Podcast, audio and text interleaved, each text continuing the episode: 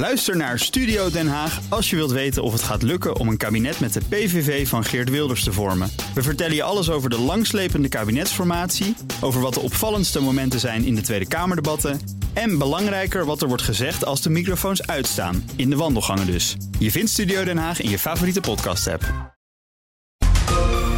Heb jij de BNR-app al? Met breaking news in de podcast De Cryptocast. Download de app en blijf scherp. BNR Nieuwsradio. De wereld. Bernard Hammelburg. Welkom bij het beste binnenlandse programma over het buitenland. Straks, Kim Jong-un heeft na vier jaar weer eens een landsgrens gepasseerd om met Poetin te praten. Wat Kim wil, bespreek ik met hoogleraar Korea-studies Remco Breuker. Maar nu eerst, Ursula von der Leyen sprak in haar State of the Union vol trots over haar Europese Commissie. Thanks to this Parliament, to Member States and to my team of commissioners, we have delivered over 90% of the political guidelines I presented in 2019. Together, we have shown that when Europe is bold and united, it gets things done. Is dat terecht? Ik praat erover met Mendeltje van Keulen, Europa-expert, verbonden aan de Haagse Hogeschool. Maar nu eerst naar Europa-verslaggever Geert-Jan Haan vanuit Straatsburg. Geert-Jan, welke sfeer hangt er bij jou in Straatsburg na die State of the Union? En natuurlijk is er al nieuws over Wopke. Er is nieuws over Wopke Hoekstra, Bernard. Hij loopt al weken rond in Brussel en Straatsburg als kandidaat eurocommissaris. Er is zelfs al een webpagina voor hem aangemaakt. Want wanneer wordt hij nou verhoord door het Europees Parlement dat hij moet goedkeuren en echt commissaris moet maken? Nou, Bernard, vanmiddag werd er een datum bekend. Maandag 2 oktober in de avond mag Hoekstra zich opmaken voor een drie uur lang verhoor. En dan hoort hij later die week of hij geslaagd is, want dan volgt er een stemming. Of hij mag op herkansing. Oké, en dan uh, even wat. Uh, geef even een, een, een sfeerbeeld van uh, Straatsburg na de State of the Union. Ja, dat was het grotere nieuws natuurlijk van deze week. Er is een heleboel aan bod gekomen bij die State of the European Union van von der Leyen, maar ook een heleboel niet. De bedoeling was, denk ik, van de voorzitter van de commissie, van de president, dat iedereen het gevoel had dat hij iets had, gekregen, iets had gehoord. Elke lidstaat, fractie, partij, het liefst ondersteund met veel applaus naar elke stilte die Ursula von der Leyen dan laat vallen ter bevestiging van een applausje. Daar heeft Charles Michel ook wel eens last van. Maar het gevolg was dat veel toehoorders vonden dat onderwerpen te weinig aan bod kwamen. En dat het een soort speech was die volgens sommigen vlees nog vis was. En vooral om anderen te pleasen. Ja, kan je het graag kwalijk nemen? Want ja, dat, zo, zo is zo'n State of the Union altijd een beetje. Het kan misschien spannender, mooier, boeiender. Te veel gescript, misschien niet, niet, niet helemaal vanuit het hart. Uh, en eigenlijk leek zelfs haar bijdrage over China er dan weer één om, om iedereen te pleasen. Want eerst heeft ze het over een aanstaand onderzoek van de commissie naar staatssubsidie op Chinese elektrische auto's. Dat klonk bijna als een halve oorlogsverklaring op handelsgebied. Om vervolgens te zeggen, ja, uh, Europa moet aan de-risking doen, maar niet aan decoupeling. Daar valt natuurlijk wel wat voor te zeggen, maar het voelt ook raar om eerst met twee gestrekte benen de Chinese aanvaller keihard onderuit te schoppen om hem vervolgens weer overeind te helpen en zeggen dat het niet helemaal zo bedoeld was. Maar dan is het kwaad al wel geschied, Bernard. Dan heb je China al boos gemaakt. En het leek alsof von der Leyen de hele tijd tussen die verschillende vuren zat. Misschien ook bezig was met haar. Uh, kandidatuur voor de Europese verkiezingen van volgend jaar. Dat weten we niet helemaal zeker. Maar het was van alles wat. Dat was mijn gevoel erbij. Ja, er zijn veel mensen die misten het defensieverhaal in uh, uh, het verhaal van von der Leyen. Wat hadden de mensen eigenlijk willen horen? Ja, ook daar is dus veel verdeeldheid over binnen fracties en ook zelfs binnen landen. En misschien is dat dan de reden dat von der Leyen er weinig over sprak. Dat zei uh, ook Radek Sikorski tegen mij. Hij is de oud-minister van Defensie en Buitenlandse Zaken in Polen. Nu een prominent Europarlementariër met deze expertise.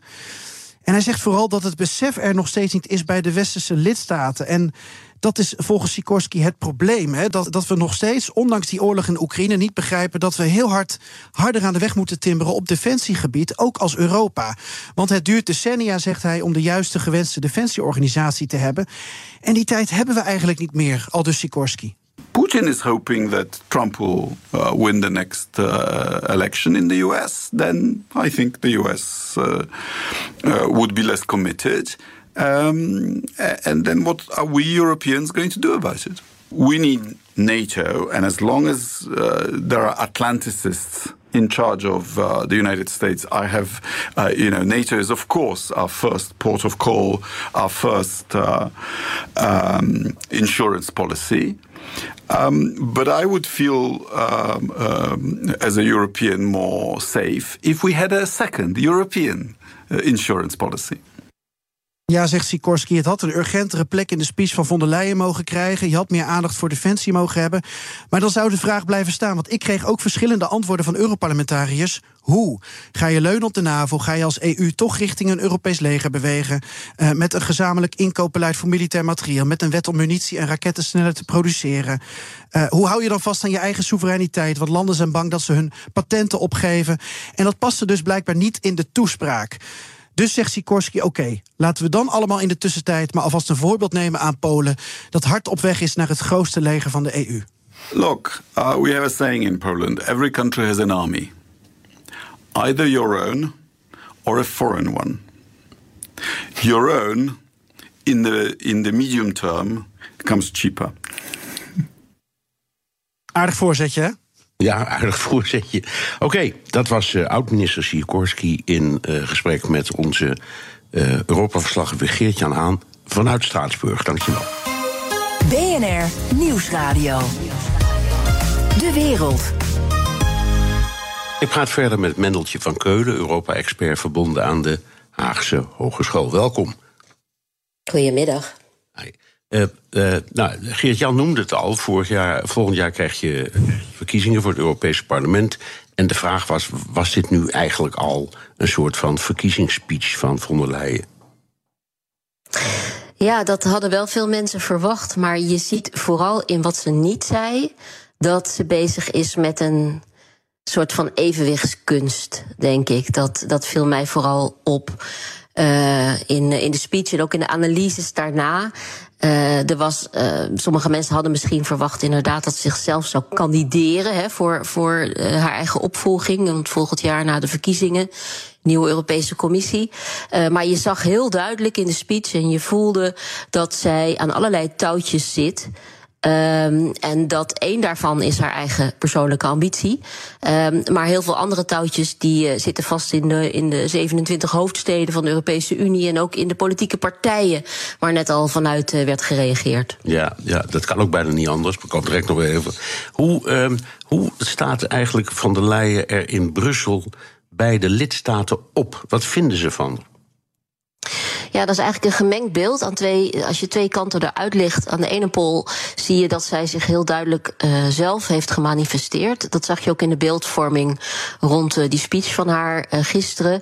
Ze staat daar in dat enorme Europese parlement als een soort van president. Hè, zo noemde Wopke Hoekstra haar opvallend genoeg ook na zijn sollicitatiegesprek. Een president van de Europese Unie. Um, en dat heeft ze ook heel duidelijk willen zijn in de afgelopen jaren. Ze heeft heel duidelijk zelf vaak het voortouw genomen, zichzelf in de schijnwerpers gezet. En de andere kant uh, van de medaille is natuurlijk dat dat ook kritiek oproept. Dat mensen hebben gezegd, ze uh, is eigenlijk te veel eigenstandig bezig geweest. In plaats van, van een uh, voorzitter die ze feitelijk is van 27 commissarissen. Uh, ze heeft soms uh, te veel haar eigen vertrouwelingen om zich heen verzameld en snel beslissingen genomen. Bijvoorbeeld over die uh, Turkije-deal. Hè? Dat herinneren we ons misschien nog dat ze daar stond met Giorgia Meloni en, en Mark Rutte. Um, en dat was, dat was Tunesië, hè? Sorry, excuus. De ja, Tunesië-deal, ja. Ja, ja naar analogie ja, van de Turkije-deal. Uh, ja, probeert uh, de EU nu ook met Tunesië zo'n afspraak te maken. Nou, daar is natuurlijk heel veel gedoe om. En het is zo'n voorbeeld van een moment waarin von der Leyen daar gaat staan. Um, en uh, het dan ook heel erg over haar gaat. En dat zijn sommige mensen, daar zijn sommige mensen toch niet helemaal over te spreken. Nee, begrijp ik.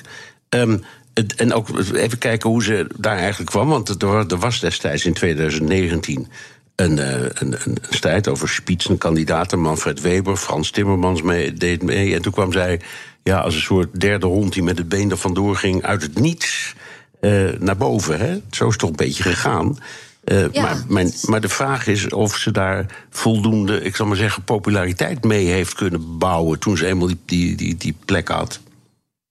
Ja, en daar heeft ze dus eigenlijk wel, uh, zou je kunnen zeggen, boven verwachting uh, gepresteerd. Want het was destijds natuurlijk wel een drama. En ook op democratisch vlak. Uh, dat zij uit, inderdaad, als een konijn uit de hoge hoed kwam.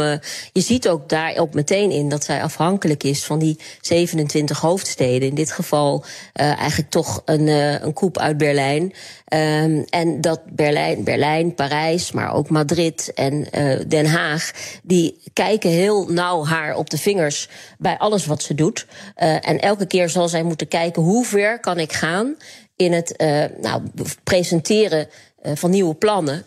En, en daarbij past ook wel een beetje een nuancering. Want zoals zij daar nu is neergezet als, als een soort grote president van de Europese Unie, moeten we ons wel realiseren dat de Europese Commissie natuurlijk alleen maar de schrijver is van al die plannen. Uiteindelijk zijn het die 27 landen en ook dat Europese parlement met, met meer dan 700 Europarlementariërs, waar ze ook voor stond, uh, die moeten besluiten over de grote hoeveelheid wetten die haar diensten schrijven. En in die zin sprak ze ook tegen het Europese parlement in de zin van dit heeft u ook deels bereikt. Als ze zegt de Europese Unie heeft het bereikt, dan is dat zeker niet de Europese Commissie heeft nee. dat bereikt. Nee, en als puntje bepaald komt, komt natuurlijk ook de Europese Raad. Want dat, dat zijn dus de, de regeringsleiders, want die zijn de enigen die echt kunnen beslissen, toch? Ja, de regeringsleiders hebben eigenlijk de afgelopen decennia steeds meer uh, macht gekregen, zeker in de crisis van de afgelopen jaren.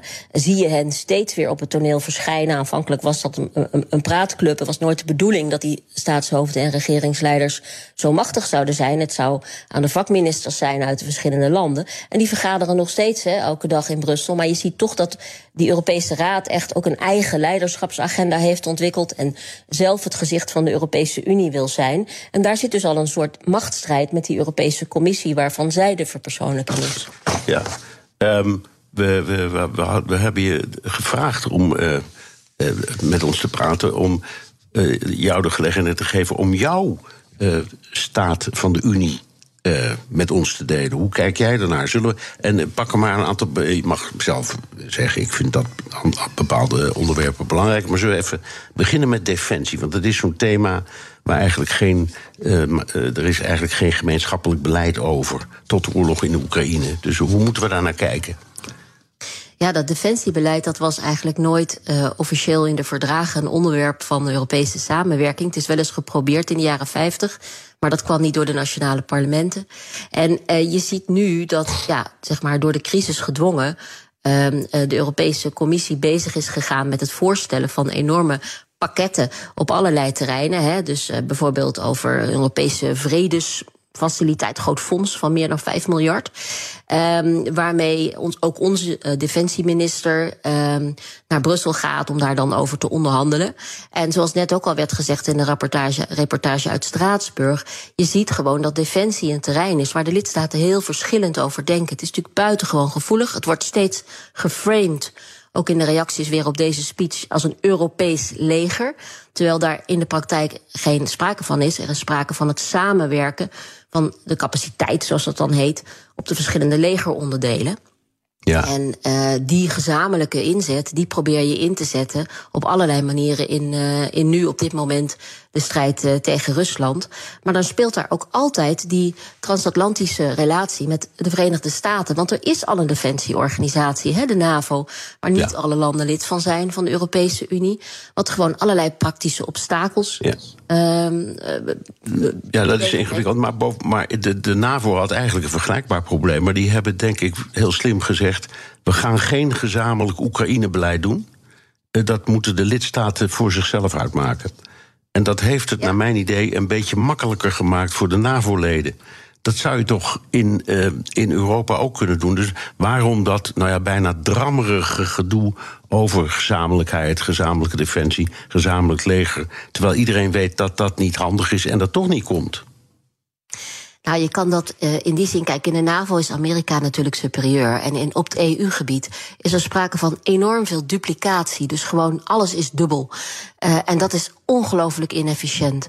Dus ook zonder de, uh, de, de rampzalige situatie op dit moment in Oekraïne was Europa al bezig, waren de Europese landen al bezig om erover te praten, om die hele kostbare defensieindustrie te stroomlijnen en ervoor te zorgen dat we bijvoorbeeld kunnen uh, samen doen met bepaalde capaciteiten.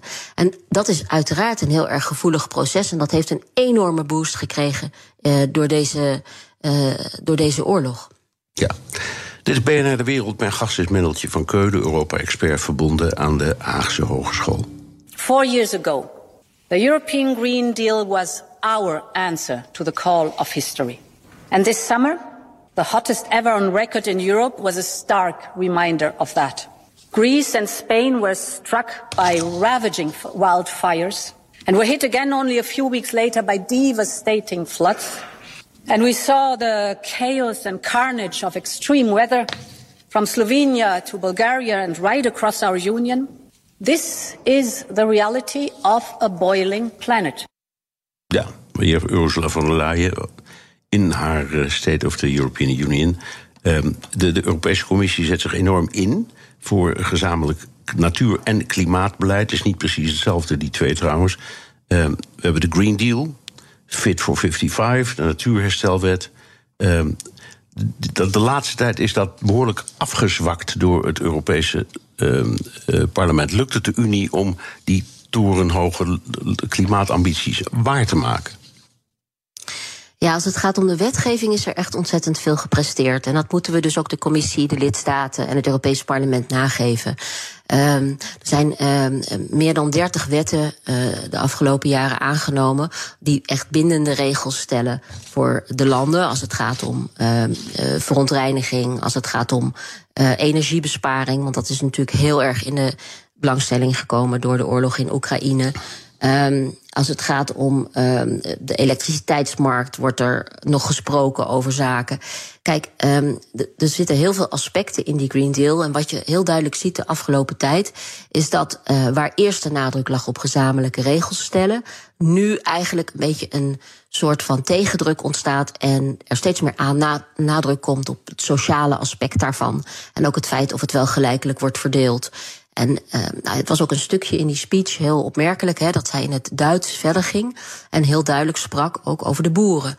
En zei van ja, we maken veel regels, maar wat ook heel belangrijk is uh, voor onze landbouw, is het feit van de voedselzekerheid. En dat is natuurlijk zo'n politieke discussie die we ook in Nederland heel duidelijk horen. Het belang enerzijds van de landbouw, heel sterk gesubsidieerd vanuit de Europese Unie. De EU heeft daar een groot beleid op. En aan de andere kant dat natuurbeleid waar de EU probeert om regels te stellen. Nou, daar zitten allerlei politieke belangen achter. En je ziet daarin dat zij echt heeft moeten balanceren. En de laatste tijd is er meer aandacht voor wat ook de, de nadelen zijn van al die regels en gezamenlijke. Uh, ja. Wat de effecten daarvan zijn uh, op de regio's in onze lidstaten. Ja, ja. Ik pak even één dingetje uit dat mij zeer opviel. Dat was haar uh, ja, pleidooi, om het zo te noemen, voor een, een soort van maatregelen tegen eh, China om de import van uh, elektrische voertuigen te beperken. Daar snap ik helemaal niks van. Uh, dus ik hoop dat jij me kunt uitleggen, maar we moeten die, die elektrische auto's moeten we dumpen. Uh, want die, doen, die spelen vals en die, die zijn te goedkoop. En dan denk ik, ja, maar Tesla heeft ook zijn prijzen ver, verlaagd om in die markt te kunnen blijven opereren.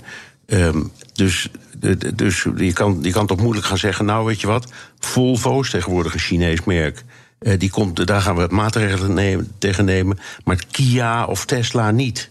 Dus waar slaat dit op? Nou, ik denk dat je heel goed uh, ook in je verwarring aangeeft uh, hoe ingewikkeld zo'n zo'n maatregel is. En China heeft keihard teruggeslagen vanochtend. Hè. We zagen ja. meteen in het nieuws dat China ons lekker in de hoek zet. Want ze zeggen: kijk, nou gaat de EU protectionistisch doen. Dat is gek, ja. want wij zijn een interne vrije markt. En we zijn daar, daar een wereldspeler op. Uh, tegelijkertijd uh, zien we dat uh, China het spel oneerlijk speelt. We hebben regels in de wereld en die volgen zij niet. En uh, wij uh, proberen nu, maar goed, dat moet allemaal nog maar blijken. Het is een onderzoek wat ze heeft aangekondigd. Dat is natuurlijk echt al een politiek, politieke manoeuvre. Ze heeft een onderzoek aangekondigd om te kijken in hoeverre die lage prijzen nou komen door lage lonen. Of door het feit dat vanuit Beijing die industrie wordt gestimuleerd. Ja, en dat ja. is iets wat wij. Oké, maar, maar, maar, maar- maar twee dingen er nog over. Er is geen batterij of accu in welke elektrische auto dan ook, waar dan ook gemaakt, die niet uit China komt. Dus het is sowieso al een beetje een rare discussie. Want het gaat niet om de auto's, maar om de batterijen. Dat is het geheim van, van al die dingen. En dan, ja, je kunt zeggen, de Chinezen subsidiëren... of de regering is de partner en die kan allerlei financiële maatregelen nemen... om het aantrekkelijk te maken. Maar wij hebben ook zoiets, dat heet bijvoorbeeld bijtelling. Dat is eigenlijk ook staatssteun. Dus is het niet de pot verwijt de ketel? Nee, de aantallen waarover het gaat, die zijn echt wel fundamenteel anders. Wij hebben regelingen, dat is absoluut waar. Maar die zijn absoluut niet zo massief als die eh, Inflation Reduction Act die Joe Biden heeft aangekondigd. En, en dat is dus een vermoeden die zij heeft, dat zij heeft uitgesproken, eh, de staatssteun die door China wordt eh, gegeven. En daar zit Europa in die zin een beetje in het nauw. En dat is ook een van de discussies die we de komende tijd moeten gaan houden. In hoeverre moet Europa ook gewoon zelf veel meer die industrie gaan helpen met, eh, met hulppakketten uh, of inderdaad met bepaalde uh, belastingmaatregelen. Die zijn, die zijn er nu, maar voor een groot deel in de EU zijn ze tijdelijk. Um, of moeten we zeggen, nee, nee, wij zijn een vrije marktkampioen. Wij blijven gewoon alles um, vanuit de industrie laten komen. En Ja. ja, dan zie je toch die industrie ook piepen en zeggen, ja, daar kunnen wij niet tegenop. Nee, zo is dat ook. Maar ik kan me ook voorstellen dat China zou zeggen: joh, als jullie met dit soort eh, rare. ehm, zou zeggen, opportunistische maatregelen komen, dan stappen we gewoon naar de WTO en leggen we het daarvoor en reken maar dat we winnen. Ja, daar speelt het punt dat China grote multilaterale instellingen als de WTO niet zo serieus neemt. Dus dat zou juist de pot verwijt de ketel zijn als zij zo'n actie Nee. zouden ondernemen. Oké, oké. We, we, we kunnen de, de, de, dit gesprek niet afsluiten zonder even te praten over Wopke Hoekstra. Heb ik ook al met Geert Jan gedaan. Ehm, maar dan vooral, eh, als je nou kijkt naar eh, wat Frans Timmermans heeft achtergelaten... en wat de Roep Wopke Hoekstra, als het lukt, moet overnemen. Zie je verschillen, zie je dingen aankomen waarvan je denkt... dat gaat veranderen. Ehm, eh, de- het profiel van de een is totaal anders dan van de ander. Dus hoe sta je daar tegenover? Ja, in die zin wordt Wopke Hoekstra eh, op dit moment geholpen door het feit. Ondanks dat hij inderdaad politiek eh, mogelijk anders in de wedstrijd staat, dat de meeste voorstellen er al liggen ten aanzien van eh, die Green Deal. En dat die dus in onderhandeling zijn. Wat hij daar moet doen, is eh, de eerdere voorstellen van de commissie vertegenwoordigen. Eh, maar wat hij vooral ook moet gaan doen, en daar eh, speelt ook zijn diplomatieke vaardigheid mee. Hij moet ook de Europese Unie gaan vertegenwoordigen op de mondiale, mondiale milieuconferentie, hè, de COP, die er aankomt. Eh, dat was ook de reden dat von der Leyen voor als een kandidaat heeft gevraagd: we willen echt iemand die gepokt en gemazeld is in de internationale diplomatie. En hij zal daar het gezicht van de Europese Unie gaan zijn op die conferentie. En daarnaast binnen het Europese parlement moeten gaan eh, zien of het lukt om in al die wetsvoorstellen een eh, compromis te krijgen tussen de verschillende landen, de politieke partijen en het Europese parlement. Oké. Dank, Mendeltje van Keulen, Europa-expert verbonden aan de Haagse Hogeschool. Bij BNR ben je altijd als eerste op de hoogte van het laatste nieuws. Luister dagelijks live via internet. Bas van Werven. En heel langzaam komt de zon op rond dit tijdstip. Je krijgt inzicht in de dag die komt op BNR, het Binnenhof in Nederland en de rest van de wereld. De Ochtendspits. Voor de beste start van je werkdag. Blijf scherp en mis niets. Blijf scherp.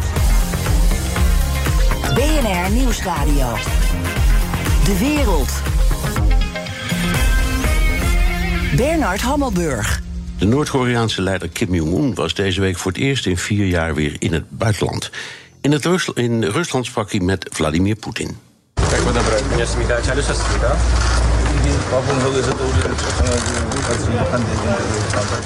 Nou, voor die enkeling die geen Russisch of Koreaans spreekt, hier begroeten de twee leiders elkaar bij het Cosmodroom Vosno- Vosnosky. Ik praat erover met Remco Breuker, hoogleraar Korea-studies aan de Universiteit Leiden. Dag Remco. Dag. Dag Herman. Ehm, na vier jaar weer een bezoek aan het buitenland, na de hele corona-pandemie, is dat op zichzelf al iets bijzonders? Ja, nee, dat is zeker iets bijzonders. Eh, Kim Jong-un staat er niet bekend omdat hij graag naar het buitenland gaat. En hij gaat echt alleen maar als er iets, be- als er iets belangrijks aan de hand is. ehm, of als hij iets moet uitleggen, in, in Beijing meestal. Of als er iets binnen te halen valt met Trump. Maar het is, het is echt wel iets bijzonders, ja. Ja. er was eh, iets heel opmerkelijks op het moment dat hij eh, van- vanuit Noord-Korea naar, naar Rusland ging met die gepantserde trein. nam Noord-Korea een, een proef met een ballistische raket. Daar was hij dus op dat moment niet meer bij. Was dat nou om te laten zien dat het raketprogramma zo goed loopt dat het ook zonder de grote leider kan? Of wilde Kim aan de wereld laten zien dat hij op het allerhoogste technische en strategische niveau met de bondgenoot Rusland spreekt? Ja, of ik- wat anders hoor, dat zijn de dingen die ik kon. Ja, verzinnen. ja. Maar, hè? Nee, ja, dat begrijp ik. Nee, want het is echt nog nooit gebeurd bij mijn weten. Dat eh, zo- zulke raketten worden afgevuurd terwijl de, de leider in het buitenland is. Ehm, en ik denk dat het ook wel iets te maken heeft met, met het laten zien van hoe zelfverzekerd je bent als land, dat dit kan. En Ja. tegelijkertijd is het misschien ook wel een soort test geweest. eh, om te kijken, ehm, eh, ook om te laten zien aan het buitenland: kijk, als onze leider niet beschikbaar is, kunnen wij nog steeds kernraketten af, Ja. afschieten. Dus om te laten zien dat zo'n decapitation strike, waar wel eens over gesproken is, ook in Zuid-Korea, dat dat niet gaat werken. Nee. Dat is alles wat ik ervan kan maken. Want dit Ja, en het is, het, is, het is natuurlijk ook niet onlogisch. Want als, eh, ik laat maar zeggen, Rusland of Amerika of Frankrijk een, een, een, een kernproef neemt, dan zit het staatshoofd er ook niet bij. Dus dat laat hij over aan de Nee, mensen. dus, dat, dat is natuurlijk zo. Ja. ja, dus dat geldt. Waarom zou dat voor hem niet gelden? Hè? Eventjes. Weten de Noord-Koreanen dat eh, Kim aan eh, dit, dit diplomatieke commerciële avontuur bezig is? Ja, ik heb eh, gisteren en vandaag eh, de Noord-Koreaanse kranten goed doorgenomen. En die lopen wel altijd een, eh, een dag achter eh, voordat je ze op het internet ziet verschijnen. Eh, maar Noord-Korea, de Noord-Koreanen zijn helemaal geïnformeerd over het vertrek. En over de reis en over de aankomst en over de, de gesprekken die, die Kim met Poetin heeft gehad. Althans, dat Ja. hij ze heeft gehad, want er stond heel weinig in over wat hij precies heeft gezegd. Nee, daar gaan we direct over spreken. Maar dat, laten we zeggen, over wapentransacties of adviezen op het gebied van eh, onderzeeërs, daar, daar, daar weet het volk niet van.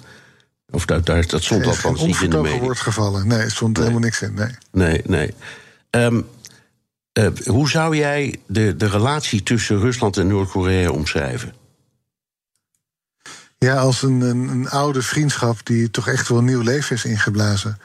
Een beetje, het zijn natuurlijk altijd eh, landen geweest die wel wat echt wel met elkaar te maken hebben gehad. Het zijn ook buurlanden.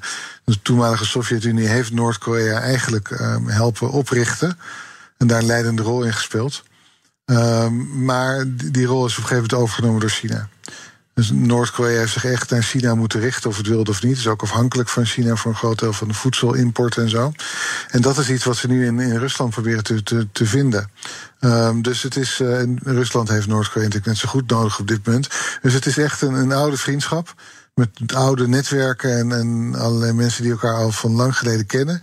Die ehm, ja, opnieuw, ja, opnieuw een leven wordt ingeblazen om te kijken wat er allemaal mogelijk is. Ja, ja.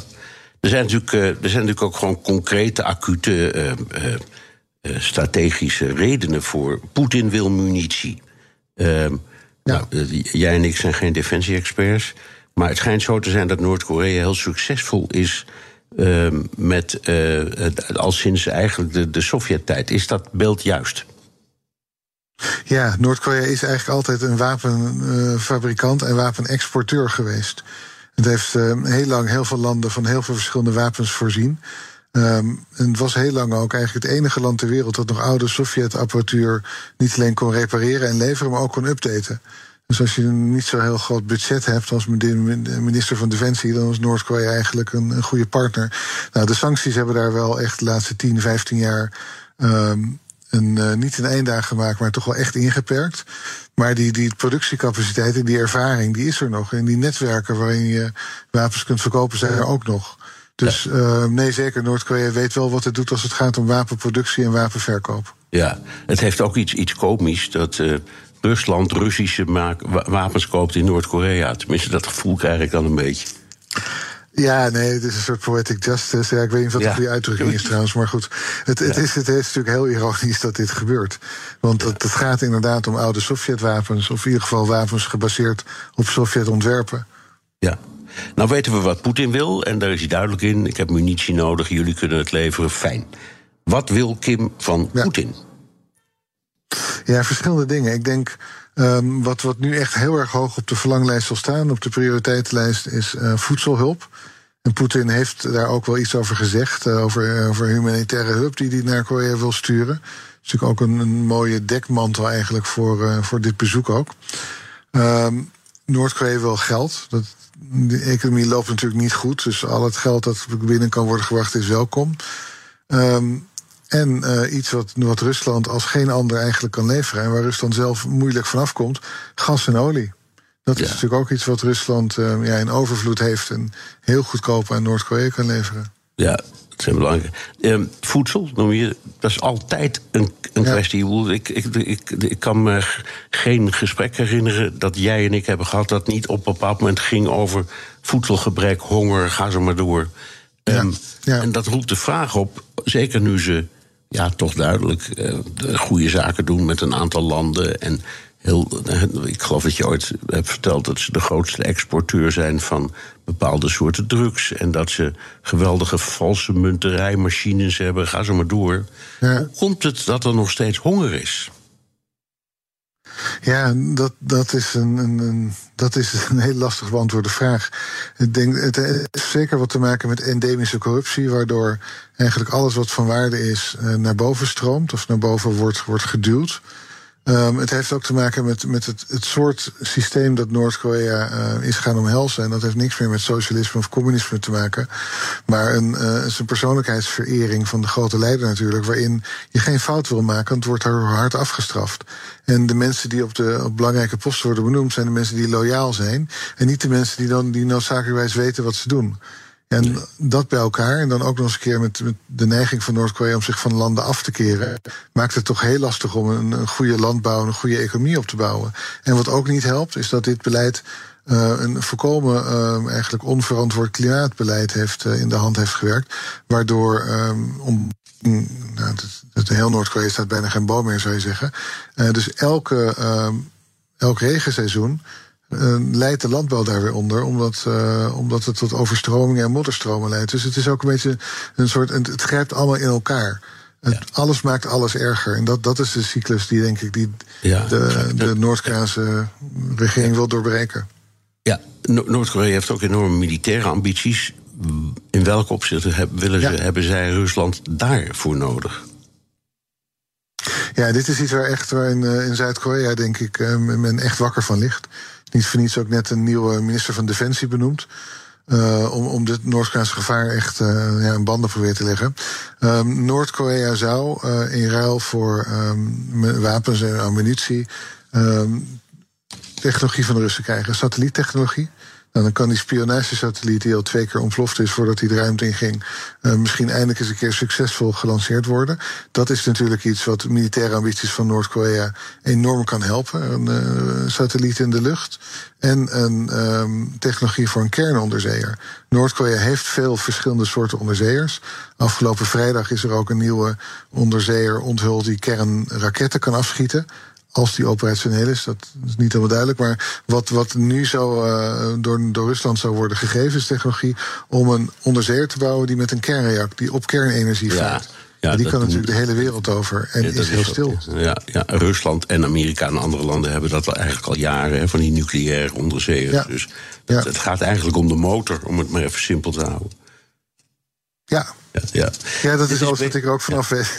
ja, nee, precies. Ja. Dit is Bernard de Wereld. Mijn gast is Remco Breuker, hoogleraar Korea-studies aan de Universiteit Leiden.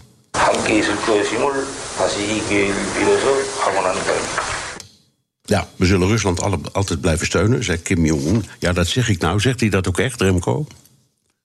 Ik kon het niet goed horen, ben ik wel. Nee, nou ja, ik, ik lees het keurig. Uh, voor van een papiertje waar iemand uh, de. Waar, nee, maar dat is klopt. Ja, maar goed, flauwe grap.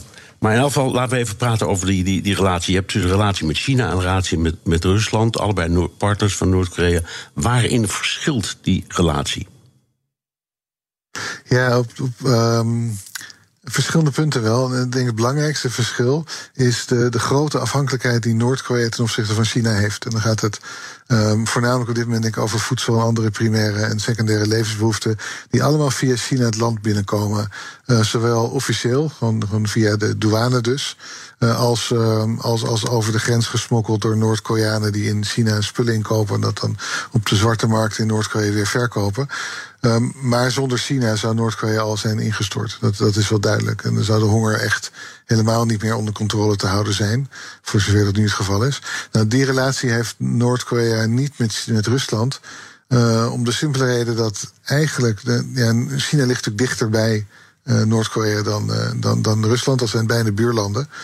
Um, en Rusland is, um, heeft veel minder te besteden altijd gehad aan China. Ja. En dat is iets wat, wat Kim nu eigenlijk wel probeert te veranderen. Een beetje balans te brengen, zodat hij zelf wat onafhankelijker kan worden. Ja, dus dan kan hij uh, bij wijze van spreken een beetje uit de, de, de, de invloedssfeer van China kruipen. Door, door, door zijn eigen, nou, ik zal maar zeggen, buitenlandbeleid bewust, eh, maar ook financieel ja. te verbreden. Ja, dan heeft hij in ieder geval keuze. Dan hoeft hij niet overal ja tegen te zeggen. Dat is denk ik op dit moment wel nog zo. Ja. Dat is iets wat China ook wel weet. Ja. Ja, nu de, de, even, daar moeten we het natuurlijk over hebben. En daar hebben we het eigenlijk altijd over. Zuid-Korea kijkt naar dit alles. Uh, ik, maak, ja. ik neem aan dat ze zich daar grote zorgen maken. Uh, hoe kijken ze naar deze ontwikkelingen? Dus uh, vooral dat aantrekken van de banden met Rusland met, met veel gedoe. En uh, nou, beelden die worden verspreid, dat moet, dat moet ze tot zorgen baren. Ja, nee, dat leidt zeker tot zorgen. En uh, denk nog niet eens bij de, de, de Zuid-Koreaan op straat, de gewone Zuid-Koreaan die heeft alles al een keertje meegemaakt en uh, hij zal wel wat, wat Noord-Korea betreft. Maar politici en uh, militairen maken zich grote zorgen over um, hoe Noord-Korea toch heel koersvast is gebleven al deze jaren. Die uh, op, op weg naar een, een krachtiger leger, een betere economie. Nou, dat laatste gaat niet helemaal goed. Maar dit is wel een kans natuurlijk om dat, om dat te doen. En de banden met Rusland, uh, die worden aangehaald. Daar zal Noord-Zuid-Korea ook, ook um, alle van alles aan doen om dat tegen te gaan. Want Rusland heeft ook aardig goede banden met Zuid-Korea.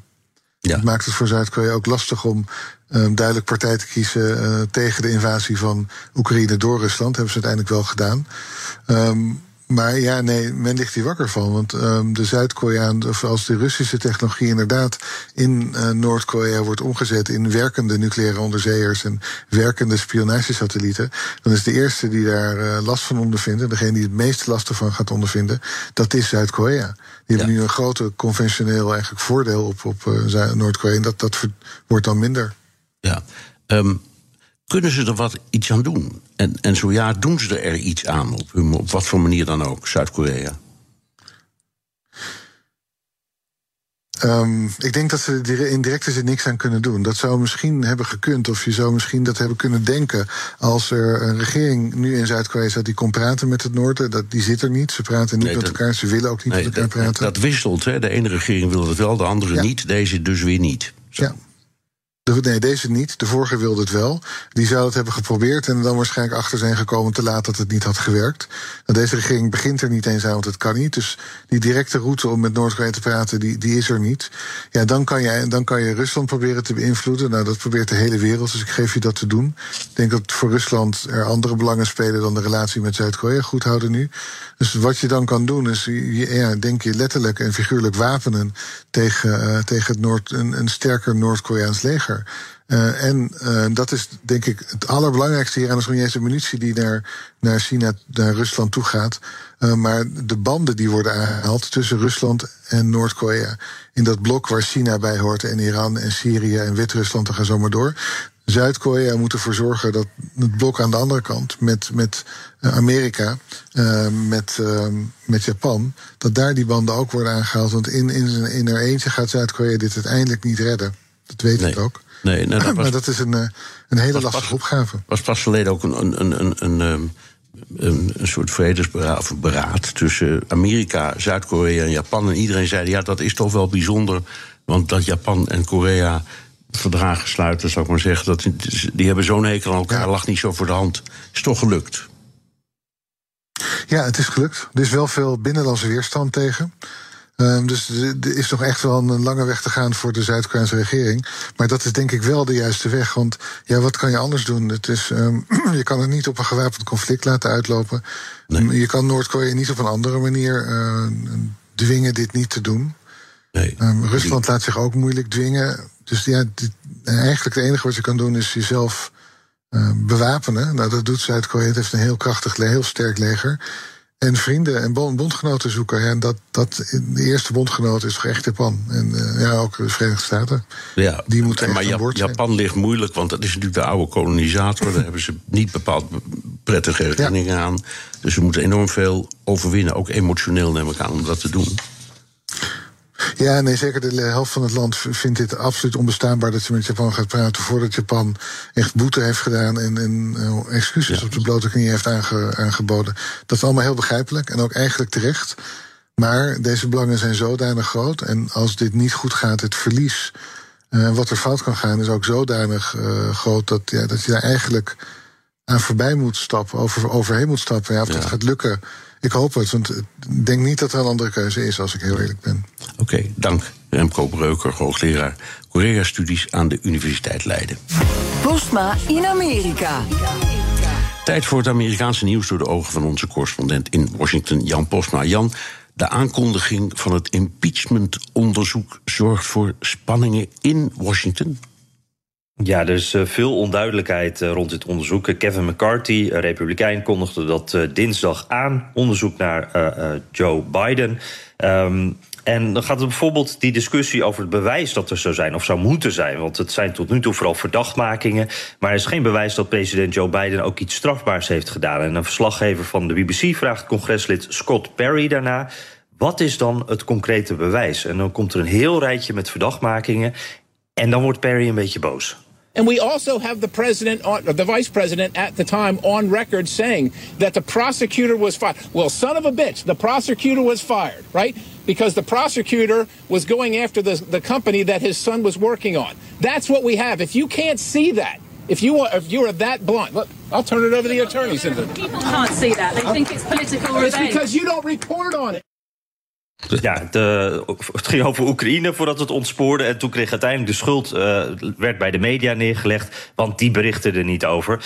En uh, Kevin McCarthy zelf die raakte ook in een verhit gesprek met de CNN-verslaggever. Die hem vroeg waarom hij niet eerst een stemming liet plaatsvinden over het starten van een onderzoek. Want McCarthy zei eerder nog dat hij dat wel zou doen, omdat dat de regels zijn. En hij was ook echt heel kritisch op Pelosi toen hij dat niet deed bij de eerste impeachment van Trump. waarom veranderde hij nou van mening? Nou, dat eindigt zo. You never change your position. I never changed my position. You, you don't. You don't. 12 days ago. You know what's interesting to me? So you don't care about any of the answers. You were very interested in the whole process. Yes, I answered your question. Ja, uh, hij beantwoordde die vraag helemaal niet. Die uh, ging snel uh, door en er kwam gewoon geen duidelijke antwoord op. Helemaal geen antwoord. En er is wel een duidelijke reden waarom er geen stemming is geweest. Hij heeft op dit moment gewoon niet genoeg steun, ook vanuit zijn eigen partij, om officieel zo'n impeachment te starten. De Freedom Caucus wil dit, de rechtse vleugel van de Republikeinse Partij. Maar de gematigde Republikeinen die staan hier niet achter, omdat ze geen bewijs hebben gezien. dit is congreslid Ken Buck. I have not seen any evidence that links President Biden to Hunter Biden's activities at this point. I will be getting a briefing later in the week. I'm looking forward to uh, understanding more of what the Oversight Committee has uncovered. But at this point, I have, I have not seen that evidence. Ja, dit is dus van een republikein. Die briefing is op dit moment bezig, terwijl wij uh, ook kan spreken. Uh, je ziet dus in ieder geval, uh, iedereen is net terug van reces in Washington... en de spanning die loopt meteen enorm op. Ja, nou even, even hebben over Mitt Romney. bekende senator uit Utah... Um, die uh, altijd een hele gematigde rol speelt. Uh, was voor de impeachment van Trump en zo. Dus een beetje een dwarsligger. Die stopt ermee. Um, en daarmee verliest dus de, de Senaat een anti-Trump-stem. Had hij een boodschap voor Trump en ook voor Biden? Ja, uh, hij kwam met een video waarin hij het aankondigde. En toen zegt hij: uh, Ik heb de leeftijd op te stoppen. Ik ben nu 76. En uh, straks zou ik dan nog midden in mijn. boven de 80 nog in de Senaat zitten. Dat is echt niet goed. Het wordt tijd voor een nieuwe garde. En, en ik moet zeggen, dat is wel eens een verfrissend geluid in Washington. En helemaal in de Senaat. de gemiddelde leeftijd daar is 65. En niet iedereen daar is even fit. Blijft toch meestal gewoon zitten. En. Romney die vindt eigenlijk dat Trump en Biden zijn voorbeeld moeten volgen. I think it would be a great thing if both President Biden and former President Trump were to stand aside and let their respective party pick someone in the next generation. Uh, President Trump, excuse me, President Biden, when he was running, said he was a transitional figure to the next generation. Well, time to transition. Uh, David Ignatius this morning made a strong argument uh, that we should see that kind of a change. I think both parties would be far better served if, uh, if they were going to be represented by uh, people uh, other than those of us from the baby boom generation. Ja, dit hoor je echt zelden. Nooit in de Senaat en ook niet in het Witte Huis. En uh, ja, ik denk dus ook niet dat er echt geluisterd gaat worden. Niet in de Senaat en ook niet in het Witte Huis. Uh, ja, ik denk uh, oudere mannen en luisteren, horen... dat is vaak wat een beetje lastig in dit geval. Ja, ja, ja, ja wat dat betreft is Mitt Romney ook een beetje een eenzame figuur. Er wordt nooit naar geluisterd, hè. Dus, maar goed. Nee, um, precies. Het, het is ook een beetje sneu hoe zijn carrière eindigt op die manier. Ja, dat is... Dat is hey, even over Mark Pence, de, de, de, de de, de oud-vicepresident, die ook, die ook uh, kandidaat is, die heeft moeilijkheden op zijn campagne. Ja, die uh, is veel in Iowa natuurlijk. Daar is iedereen. Hè. Die, die is de staat uh, waar, waar zoveel van afhangt. En Trump-supporters nemen het hem nog steeds kwalijk... dat hij niet, officieel, niet het officieel maken van de uitlag stopte... op 6 januari 21. Hè. Bestorming van het Capitool kennen het verhaal. Hij kon dat niet doen. Mag niet volgens de grondwet. Maar het wordt hem nog steeds nagedragen. En ja, ik vond dit wel een mooie hoor. Want het is zo'n nette man. Hè. Het is een, een beetje een dominee-figuur. En hier heeft hij wel een hele gevatte reactie... als er iemand een toeroept dat hij ja, eigenlijk gewoon zegt: je moet maar oprotten. Um, even het volume omhoog, want hij is iets wat moeilijk te verstaan. I'm put him down as Ja, wat hij dus zegt, I'm gonna put him down as a maybe. Zo van, nou, misschien kan ik hem nog wel overtuigen. Uh, ik vond het een mooie gevatte uh, reactie van uh, Pence. En ook hier, de man in kwestie heeft het denk ik niet eens gehoord wat Pence zei. Zal zeker niet luisteren. maar goed, af en toe zo'n mooie onderkoelde reactie op campagne. mooi om te zien. Heerlijk om te horen. Dankjewel, Jan Postma, correspondent in Washington. Wilt u meer horen over dat fantastische land? Luister dan naar de Amerika-podcast van Jan en mij... Tot zover BNR De Wereld. Terugluisteren kan via de site, de app Spotify of Apple Podcast. Reageren kan via een mailtje naar dewereld.bnr.nl. Tot de volgende week. Ook Liesbeth Staats vind je in de BNR-app. Ja, heel handig. Luister live naar Kees en mij tijdens de Daily Move. Dan blijf je ook gelijk op de hoogte van breaking news en het laatste zakelijke nieuws. En daar vind je ook alle BNR-podcasts, waaronder de Perestrooikast. Download nu de gratis BNR-app en blijf scherp.